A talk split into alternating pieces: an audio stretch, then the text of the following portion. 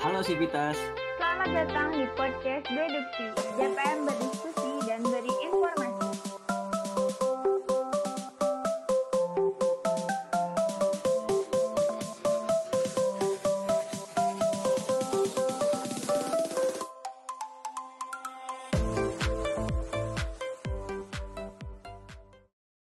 Halo Sivitas, kembali lagi bersama saya Faska di Deduksi. DPM berdiskusi dan beri informasi. Eh, Setelah di episode kemarin kita eh, bertemu dengan komisi-komisi yang ada di DPM nih kan ada komisi 1 2 3 4 5. Sekarang ini adalah bagian atau giliran dari komisi 3 yaitu komisi aspirasi. Ya yang berfungsi sesuai namanya ya yaitu menyerap eh, aspirasi mereka juga mengkaji eh, aspirasi ini gitu.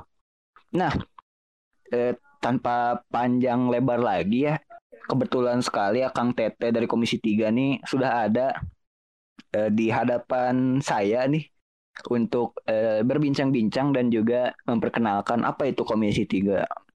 Mungkin bisa langsung diperkenalkan diri gitu kan biar eh, para pendengar Akang Teteh ini teh tahu gitu Eh, dari komisi 3 ada siapa gitu kan mungkin bisa langsung aja Kang Reza dan Teh Amanda Ya, halo semuanya. Perkenalkan, nama saya Reja Kurnia. Saya mahasiswa dari Teknik Informatika angkatan 2019. Saya di DPM menjadi anggota dari Komisi 3. Wih mantap Kang Reza mungkin bisa lanjut aja nih sama Teh Amanda Halo semuanya, perkenalkan nama saya Amanda Prilati dari jurusan Ilmu Komunikasi angkatan 2019. Di sini saya ditugaskan untuk menjadi anggota Komisi 3 di DPM. Nah, itu dia ada Kang Reza sama Teh Amanda dari dari Komisi 3 angkatan 2019 tapi sudah menjadi anggota DPM ini kan berarti hebat sekali ya kalau bisa dibilang sangat-sangat progresif gitu. Nah, mungkin eh, banyak itu mahasiswa Akang Teteh gitu kan yang me- mempertanyakan tentang Komisi 3 aspirasi ini tuh eh, apa sih Komisi 3 ini aspirasi ini? Mungkin bisa dikasih tahu gitu. Di sini saya mau jawab tentang Komisi 3 dulu. Komisi Boleh, boleh, 3. Komisi 3 ini memiliki fungsi dan wewenang untuk menampung, mengkaji, dan bergerak dalam menyalurkan aspirasi mahasiswa Unikom. Jadi, setiap mahasiswa Unikom punya kesempatan untuk menyalurkan aspirasinya. Dan Komisi 3 ini menyebarluaskan form aspirasi melalui himpunan yang ada di lingkungan kampus dan nantinya form aspirasi sudah terkumpul akan dikaji oleh Komisi 3. Komisi 3 di sini memiliki fungsi dan wewenang untuk mau menampung, mengkaji, dan bergerak dalam menyalurkan aspirasi mahasiswa Unikom. Jadi, setiap mahasiswa di Unikom memiliki kesempatan untuk bersuara atau menyampaikan aspirasi yang tidak bisa langsung disampaikan oleh dia ke pihak kampus. Oh, jadi di Komisi 3 ini eh, menyerap ya aspirasi dari eh, mahasiswa umum gitu yang tidak bisa langsung diberikan ke pihak kampus. Jadi melalui ke DPM dulu. Nah, untuk eh, tupoksi dari Komisi 3 ini apa ya kira-kira untuk mungkin lebih jelasnya gitu kan? Siapa tahu ada yang penasaran tentang ya tugas pokok dan fungsi dari Komisi 3 ini. Nah, ya baik. Sebenarnya tadi udah disinggung sedikit ya tentang tugas dari Komisi 3 sesuai dengan namanya juga aspirasi dan tugas dari aspirasi ini yaitu menampung, menyerap dan merumuskan segala aspirasi mahasiswa Unikom. Nah, setelah itu baru kita salurkan kepada BEM untuk dieksekusi. Terus yang kedua, di Komisi 3 ini membuat alur aspirasi eh, guna memperkenalkan juga kepada mahasiswa Unikom bagaimana alur dari penyampaian aspirasi dan juga penyerahan aspirasinya. Dan terus tugas yang ketiga itu dapat menyampaikan aspirasi yang berkelanjutan kepada pihak yang terkait. Jadi maksudnya seperti tadi disalurkan kepada BEM dan kepada pihak yang terkait. Nah, kepada pihak yang terkait di sini maksudnya itu kepada kampus. Jadi bisa direalisasikan oleh kampus. Mungkin itu tugas dan fungsi dari Komisi 3. Nah, tadi kan eh, sempat disinggung sedikit ya sama Kang Reza tentang eh, hasil kajian yang dilempar ke BEM ataupun alur aspirasi ini mungkin kan ada beberapa mahasiswa gitu, rekan-rekan mahasiswa kita yang mungkin belum mengetahui gitu alur penyampaian aspirasi. Mungkin bisa dijelaskan sama Komisi 3 tentang uh, alurnya. Jadi alur aspirasi DPM sendiri ini mengambil aspirasi mahasiswa umum secara langsung atau melalui himpunan di masing-masing jurusan. Setelah aspirasi tersebut sudah disebarluaskan dan dan sudah diisi oleh mahasiswa, akan dikaji oleh Komisi 3. Setelah di, dikaji oleh Komisi 3, lalu dilempar ke BEM untuk diproses lebih lanjut. Oh gitu ya, jadi ada beberapa tahap gitu ya, jadi eh, untuk menyampaikan aspirasi ini yaitu melalui DPM yang nantinya bakal dilemparkan gitu ke BEM ya hasil kajiannya. Nah eh, sebelumnya ini kan DPM nih pernah ngerilis gitu kan suatu uh, short movie gitu kan yang waduh arah bagus banget sih sebenarnya. Mungkin ada beberapa mahasiswa gitu kan yang menanyakan ngapain sih DPM bikin short movie tentang uh, aspirasi kan ya. Nah, mungkin di sini Komisi 3 bisa gitu uh, memberikan uh, maksud dan tujuan dari short movie yang waktu itu dikeluarkan oleh DPM gitu.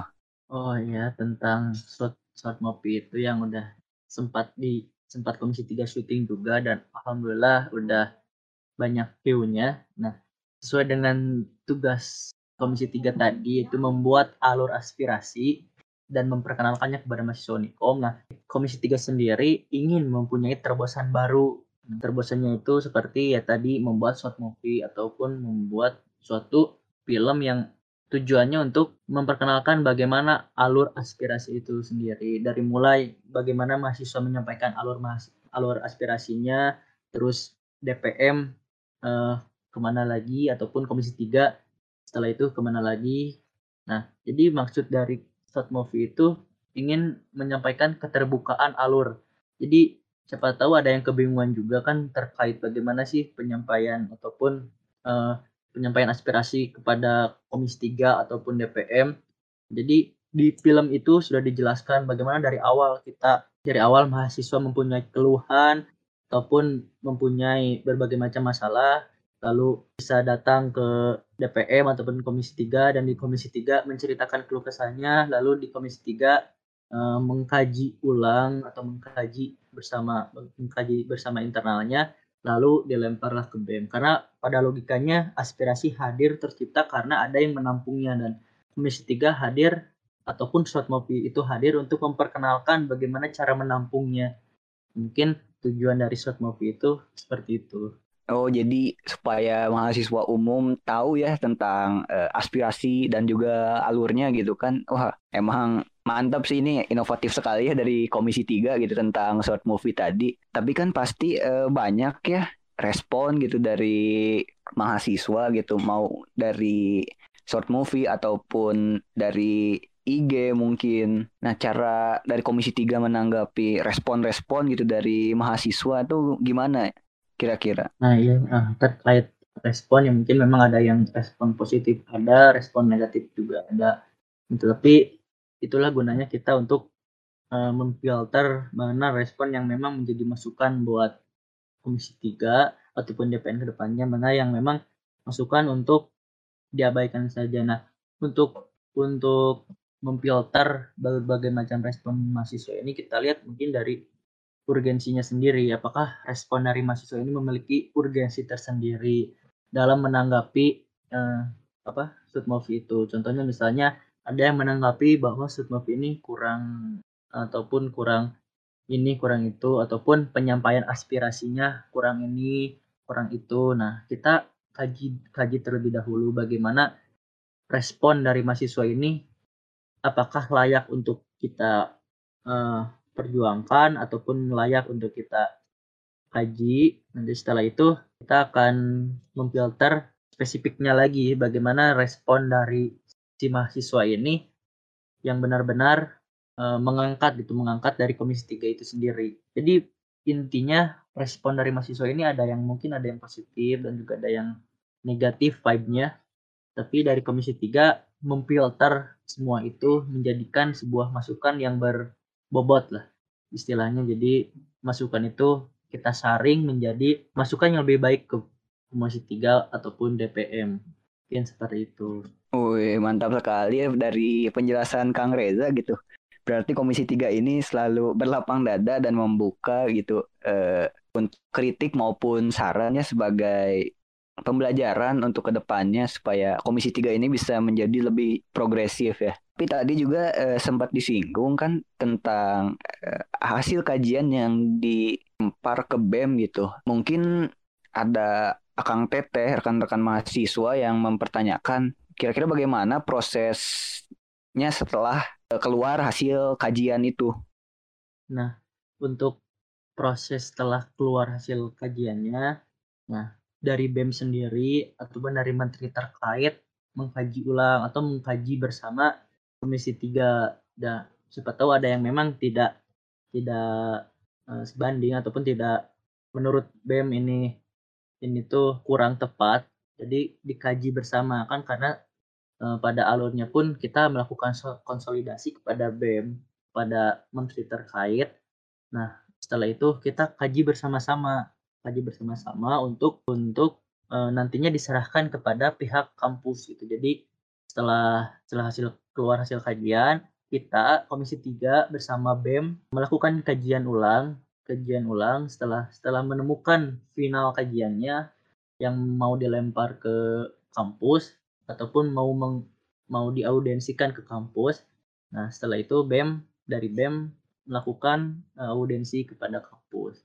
Ya, jadi intinya kita melakukan kajian bareng-bareng bersama BEM. Nah, setelah setelah BEM dan kita melakukan kajian, lalulah lalu BEM uh, melakukan audensi kepada kampus. Nah, setelah ada hasil audensi baru BEM melakukan press release-nya gitu. Mungkin itu itu sekilas bagaimana proses setelah keluar hasil kajian. No, berarti kan tadi sudah dijelaskan ya tentang apa itu Komisi 3, apa itu kajiannya, bagaimana mereka mengkaji, bagaimana uh, proses setelah kajiannya keluar, apa makna di balik short movie. Mungkin pertanyaan terakhir nih, pastikan setiap komisi itu punya tujuan tersendiri gitu kan. Kalau dari Komisi 3 ini kau boleh tahu goalsnya tuh apa ya kira-kira yang ingin dicapai oleh Komisi 3? Goals dari Komisi 3 DPM ini yaitu hasil kajian dari semua aspirasi aspirasi mahasiswa pada seluruh jurusan di Unikom dan telah disampaikan akan tersampaikan langsung tembus ke pihak kampusnya sendiri. Oh, harapan yang simple tetapi memiliki banyak makna ya, yaitu aspirasinya bisa tembus ke pihak kampus dan seluruh mahasiswa pun dapat merasakan dari kajian Komisi 3 dan juga hasil audiensi dari BEM. Nah, jadi itulah tadi diskusi kita bersama Akang Teteh dari Komisi 3. Mungkin untuk terakhir nih, Kang Teh, ada nggak nih pesan-pesan buat Civitas yang ada di rumah? Boleh dari eh, Kang Reza dulu. Nah, ya, untuk pesan-pesan saya kepada kawan-kawan di lingkungan Unikom atau mahasiswa Unikom jangan sungkan-sungkan untuk memberikan keluhan, saran ataupun kritik pada kampus ataupun pada DPM atau Komisi 3 itu sendiri karena teman-teman bisa mewujudkan ekspektasi dengan aspirasi. Mungkin seperti itu pesan untuk kawan-kawan. Mantap sekali wujudkan ekspektasi dengan aspirasi memang ya Komisi 3 ini ya dengar kaji kawal ya. Mungkin bisa dilanjut dengan pesan-pesannya Teh Amanda. Kalau pesan dari saya sendiri, kalau misalkan Komisi 3 sendiri menyebarkan forum aspirasi, dimohon sangat untuk mengisi karena aspirasi tersebut juga untuk kebaikan kalian selaku mahasiswa Unikom. Jadi kalau misalkan ada sesuatu yang nggak bisa disampaikan secara langsung, bisa disampaikan melalui forum aspirasi tersebut. Wah mantap ya. So, uh, mengingatkan kembali ya untuk Akang Teteh juga gitu kan. Kalau Komisi 3 gitu menyebarkan form tuh mohon diisi gitu kan biar tembus juga ke pihak kampusnya gitu kan. Semakin banyak yang ngisi semakin bagus. Mungkin eh, sekian episode kali ini ya. Jangan lupa di follow Instagram kita di @dpmunikom dan podcast ini bisa didengarkan di Spotify dan juga YouTube. See you next episode.